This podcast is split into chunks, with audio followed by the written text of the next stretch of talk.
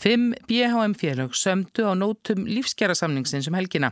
Mánaðalaun hækka um tæplega 70.000 á næstu fjórum árum, samið var til fjóra ára og um það að vinnuvikan geti stist í alltaf 36 klukkustundir á viku. Hvernig staði verður að styttingunni ræðist á hverjum vinnustad fyrir sig. Það hefur korkið genginni reki í samningum háskólamanna við ríkið samninga viðraður hafa staði yfir í næri sjö mánuði sömu sögur að segja af öðrum ofinberum launamönnum. BHM hefur fram að þessu alfarið hafna því að sami verðum krónutöluhækanir eins og gert var á almenna vinnumarkaðunum og krafan hefur verið að lámarslaunataksstar verða minnstakosti 500.000 krónur á mánuði. Viðræður meðal háskólamanna hafa farið fram í tveimur hópum, annars verið átta félagahópi og hins vegar hafa önnur tólfélög verið í sameiglugum viðræðum við ríkið. Ástæðan fyrir því að trælega hefur gengið meðal annars að erfilega hefur gengið að semjum styttingu vinnuveikunar. Ópenberir starfsmenn hafa ekki verið til í að sami verðum styttingu vinnuveikunar í skiptum fyrir kaffi og matartíma. Einni hefur gengið erfilega ná samkómanlagi um hvernig styttingu vinnutímars verði háttað hjá vaktavinnufólki. Ímsar hugmyndir er á lofti og sérstök nefnd hefur fjallað um það mál. Hitt sem veldur erfileikum er að ríki hefur haldið sér fast við að sami verði á nótum lífskjara samningsins svo kallaða. Þar var samið um mjög hóvara launahækanir. Ríkið er í raun aðilega samningnum á almenna vinnumarkaðnum og getur ekki samið eða á erfitt með að semja við ofinbæra stafsmenn á allt öru nótum. Það kom því nokkuð óvart að fimm félög BHM skrifu undir kjærasamning aðfarnótt mánudags.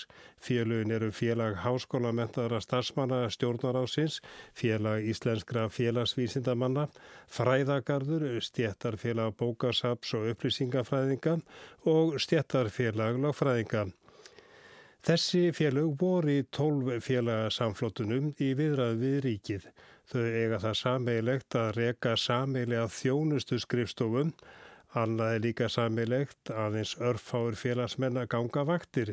Þessi félug er í meginatruðum félug dagvinnu hópa. Það gæti hafa auðvelda þeim að semja við ríkið. Eftir því sem næst veru komist hófust viðraður þessara félaga við ríkið fyrir tíu dögum og lauknú um helgina. Fórustumenni félagana 5 voru líklega orðin þreyttir á árangurslausum viðræðum við ríkið eftir 20 fundi. En um hvað var samið? Í fyrsta lagi vekur aðteikli að launahækkanir sem samið var um er á nótum lífskjara samningsins. Mánaðalauna hækkum 68.000 krónur á samningstímanum sem nær frá 1. april í ár fram til 31. mars 2023. Í ár hækka laun félagan í þessum fimm félugum um 17.000 krónur, á næsta árum 18.000 krónur á mánuði, á þriðja árunum 15.750 og loks um 17.250. Reyndar er eh, þessum krónutölum snúið yfir í prósendutölur en niðurstaðan er svo sama. Launabilmiðli taksta hefur verið 5% en verður 4,8%. Eftir því sem næst veru komist eh, lítur ríki svo á að með þessu samningum sé stöðuleika ekki ógnað og að hann fel í sér kaupmátturaukningu á samningstímanum. Það var líka samið um styttingu vinnuveikunar og segja má að niðurstaðan sé í anda þess sem sami varum á almenna vinnumarkaðunum. Megin atrið er að samlingurinn felur í sér að vinnuveikana geti styrst allt niður í 36 klukkustundur á vikum Hún er núna 40 klukkustundir en þess ber að geta að þegar hafa margi vinnustæðir er samið um stittri vinnutíma. Það er verið að tala um að vinnuvikan geti farið í alltaf 36 virka vinnutíma. Þetta er ramminn því endanlega stitting ræðst á hverjum vinnustæð. Sami verður á vinnustöðunum um hvernig staði verður að stittingunni og í raun eru félagsmenn okkur sjálfráðan um hvernig tilhaugunin verður. Það er verið að tala um eh, breytingar á kaffitímum og matatímum en breytingarnar ráðast á hverju vinnustöð eða vinnustad. Greit verða atkvæða lokum og ræður meiri hlutin hver endaleg niðurstaða verður. Niðurstöður eiga líkja fyrir eigi síðar en 2021. Það verða líka breytingar á lengt orlofsins, það gagnast fyrst og fremst þeim sem er yngre en 38 ára. Reyndar er kannski ekki rétt að tala um að samið hafi verið um breytingar á orlofi því núverandi fyrirkomulag er stangast á við tilskipun ESB um jafna meðferð á vinnumarkaði og lög sem samþýgt hafa verið á alþingi í tengslu við tilskipununa. Þar er hverði skýrt á um að banna sig að mismuna launamönnum eftir andri. Núvarandi kerfir þannig að allir undir 30 ára aldri eiga rétt á 24 daga sumafríi. Frá 30 að 38 ára aldri er rétturinnu 27 dagar og loks frá 38 ára aldri álaunamaður rétt á 30 dögum eða 6 vikum. Þetta brítur gegn jafnri meðferð á vinnumarkaði og þetta var einsiklað í samningunum sem gerðir voru við félugin 5. Og þetta þýðir að allir fá 30 daga sumafrí. Þetta gagnast þeim yngri en hlutvall þeirra er um 30% í félagunum. Í þessum félagum er fyrst og fremst dagvinnufólk. Í samningunum er ekki tekið á vaktæðvinnufólki eins og sagði á þann þegar að kemur að styttingu vinnuveikunar. Samkóla er um að sjá hvað sami verði endala um við ríki og bæ og að vaktæðvinnufólki í félagunum 5 gangin í það samkómulag. Arna Páll Haugsson sagði frá.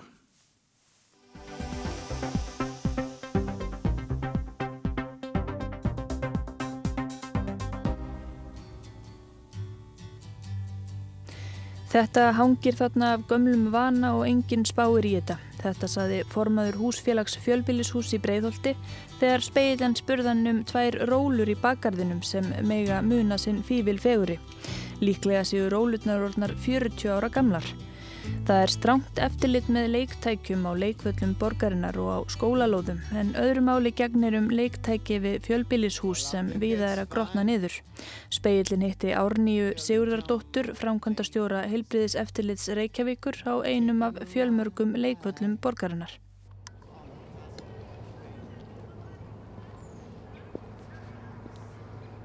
Hæ hæ. Já, þú fundið þetta? Já. Sæl, sæl Árni. Við erum hérna á leikvelli fyrir aftan Landakotskirkju. Þetta er einn af hvað, 260 opnum leikvellum borgarinnar. Já, þetta er einn af þeim. Þetta er svona svolítið lítil og krútlega tæki. Það er rennibraut, það er vegarsalt, það er smábarnaróla og, svo, og venjuleg róla og, og svo er svona svolítið ævintýraleg klifurgrind. Eru þessi leiksvæði borgarinnar yfirleitt í, í góð ástandi? Já, þau eru það. Öll þessi leiktæki sem hér eru eru samkvæmt stöðlum þarum og þetta er allt yfirfarið af okkur í heilbriðiseftilitinu árlega og svo er, eru reglumöndanskoðanir líka hjá borgaryfirvöldum með sínum svæðum. Þannig að það er bara gert við það sem er bílað mögulega bara reglubundið og við fylgjum svo bara með því að það sé gert. Það er þá verið að tjekka á, já ég las þarna bækling með leiðbenningum um hvernig þetta að skoða þetta og það voru alls konar það átt að hlusta og horfa og banka í og, og það átti jafnvel að sko hengja sig svolítið í þetta og sjá hvort að sláinn sem að ber rólutnar bóknir nokkuð eða svigni Já, það eru ákvæmlega aðferði sem á að nota við skoðun. Það er þessi staðla sem gilda og svo eru þetta okkar fólk heilbríðsfullrúðnir eru mentaðir í þessu og fara reglulega á námskeið og það eru alls konar tæki og tól líka til að mæla, alls konar bíl og, og þetta er náttúrulega líka eins og þú segir svona yfirlið skoðanir, svona ástandsskoðanir viðhald og bara svona hvort fallundilag sé í lægi, sé einhver potlamyndun og alls konar svona. Bönnin náttúrulega þurfa að vera í eins örugungveru eins og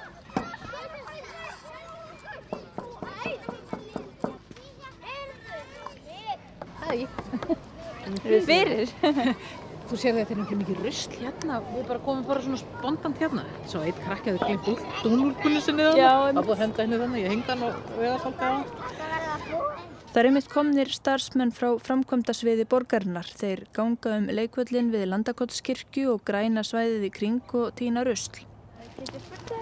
Já, já, já, já, já, já. Uh, fyrir útarpið. já. Er mikið rusl hérna á leikvöllunum í borginni? Ég betra í skil in ennsku. Aha. Yeah. Uh, is there a lot of trash on the playgrounds here in Reykjavík? Yes. But we always cleaning. So most of time they put like we find that many things like you know people they use drugs, these things and many things. So we always pick up and put it in the right place and yeah. And how often do you have to clean them? Yeah, we uh, almost clean every week. Samir Vossir segist þurfa að týna mikið rusl af leikvöllum borgarinnar. Hann finn oft spröytunálar og tæki til výmöfnanislu. Hafi síðast fundið nálar núna í morgun. Já, borgarvöllunum er vel við haldið en öðru gegnir stundum um leikvalli við fjölbílishús. Þar sem að gamlar rólur, klífurgrundur og vegarsöld grotna niður. Ég er hérna við eitt slíkt leiksvæði í Breiðholti. Hér eru nánast sundurriðgaðar rólur og já, á völlinu. Skulum kannski setja þetta bara hérna upp á, á kant. Speillin fór nýlega á stúfana, kíkt inn á nokkrar blokkarlóðir og kannaði ástand leiktækja. Sumstaðar var allt í góðu en víða höfðu tækin litið betri daga. Flögnuð málning, ískur í festingum, riðgaðar keðjur og djúpar sprungur í dekkjarólum, grasi vaksinn sandkassi. Speillin gróf upp símanúmer hjá íbúum og stjórnarmönnum í húsfélögum þessara blokka. Flestir sögðu gömlu tækin í bakarðinum aldrei hafa komið til tals á húsfundum. Formaður húsfélags í Seljakverfi í Breitholti gegst umsveifalaust við því að ástand rólanna í bakarðinum væri rörlegt. Það notar þetta enginn, sagðan. Samsetning íbúa í húsinu hafi breyst, blokkin hafi verið byggðari 1977 og líklega hafi rólutnar verið keiftar 78 eða 79. Þá hafi búið þetta margar fjölskyldur með ung börn. Hann hafi fluttinn fyrir 30 árum og rólutar hafi raun staðinar óhreyðar allan þann tíma. Hann sagðist ekki vita hvað ætti að gera við þetta, taldi kannski best að retta kerru, brjóta þetta niður og koma rólunum í brotajátt og svo nefndi hann rennibraut sem að líka þyrta fjallæga. Þarna kom fát á fréttamannspeilsins sem skoðaði tíðan bakarð og sá bara rólur. Já, saði formaður húsfélagsins, þú hefur verið í gardinum við hliðina. Þar eru líka sundur yðgaða rólur. Svona sé ástandi við í hverfinu.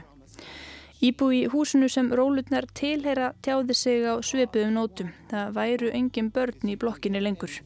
Þetta hangir þarna af gömlum vana og engin spáir í þetta saðan. Þakkaði fyrir ábendinguna og saðist alltaf að taka málið fyrir á næsta húsfundi.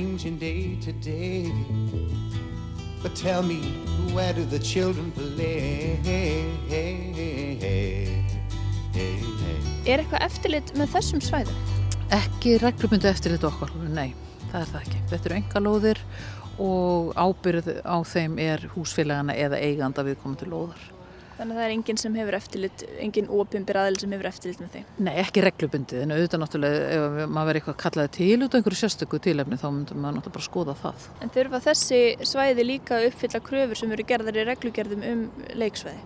Já, það er náttúrulega eru þess að kröfu til leiktækja og það er náttúrulega á að fara eftir því. Húsfélög geta útvistað verkefnum sínum svo sem bókaldi umsjón með húsfélagsfundum og annari þjónustu til fyrirtækja á borðið egna umsjón. Halla Mjöll Stefánsdóttir, starfsmæður fyrirtækisins, segir að umræða um leiktæki og lóðum fjölbilshúsa komi oft upp á húsfundum og að það sé ekki alltaf vilji til þess meðal eigenda að lagfæra þau eða endur nýja. Þörf fyrir leiktæki ráðist meðal annars af aldurstreifingu íbúa. Í blokkum þar sem býr yngra fólk með börn sé meiri áhuga á því að viðhalda að setja upp tæki en kostnaðurinn standi þó oft í fólki. Stundum samþykki meiri hluti íbúa að fjarlæga íllafarintæki, í öðrum tilfellum trappistu niður. Húsfélög bera ábyrð á því að leiktæki við þau séu í lægi og geta verið skadabótaskild. Í lögum um fjölegnarhús segir að húsfélagi sé ábyrð kakvart eigendum og afnótahöfum þegar tjón stafar að vannrækslu og viðhaldi samegnar búnaði hennar og lögnum. Reglugerðum öryggi leikvalla tækja og leiksvæða og eftirlit með þeim á að stuðlað öryggi barna með því að tryggja leikvalla tæki séu hönnuð frá genginn og þeim viðhaldið á örugan og viðurkendan hátt. Framkymur að rekstraræðli þá húsfélagið þessu tilfelli beri ábyrð á því að leiksvæði sé í samræmi við reglur. Halla hjá Egnaumsjón segir að af þessum sökum séu húsfélag oft tregt til að setja upp trampolín á sameinleiri lóð. Máltengt leikvöllum koma afarlítiðin og borð húsegandafélagsins. Fulltrúi þess saðist í samtali við speilin ekki hafa heyrt það nefnt sem sérstakt vandamála að leiktæki dröpuðust niður við blokkir. Aldrei hafi reynd á máltengt leiktækjum fyrir kærunum húsnæðismála eða domstólum. Þá geti þrátt fyrir skadabótaskildu reynst erfitt að sanna slís megi reykja beint til ástands leiktækis.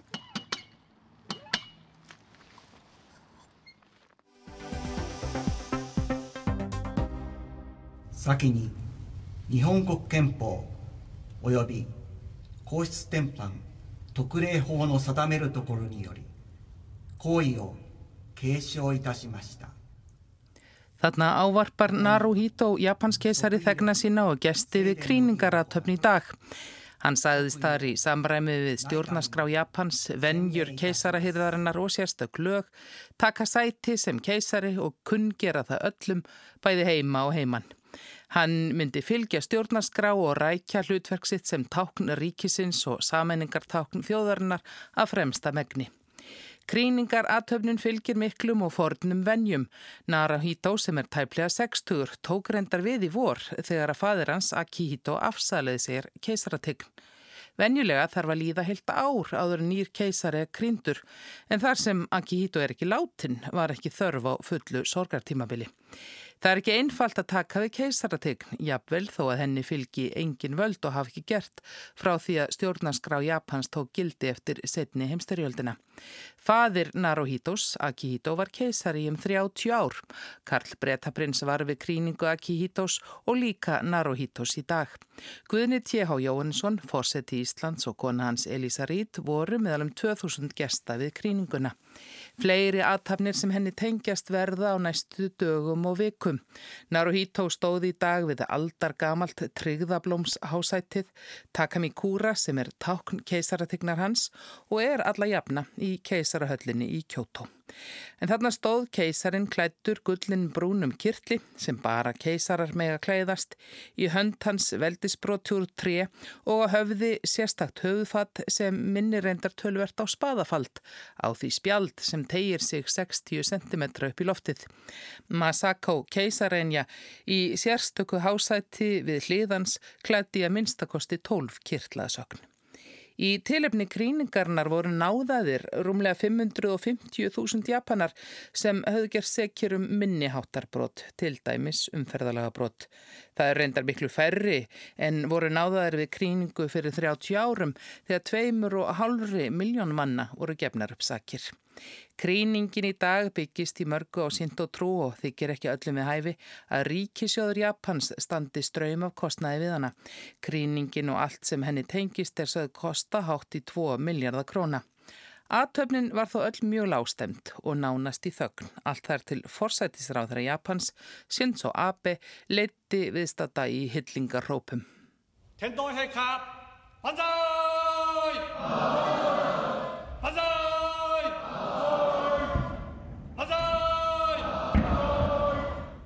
Og svo eftir mánuð verður ennin aðtöfnin, yfir henni kvílir mikið leint.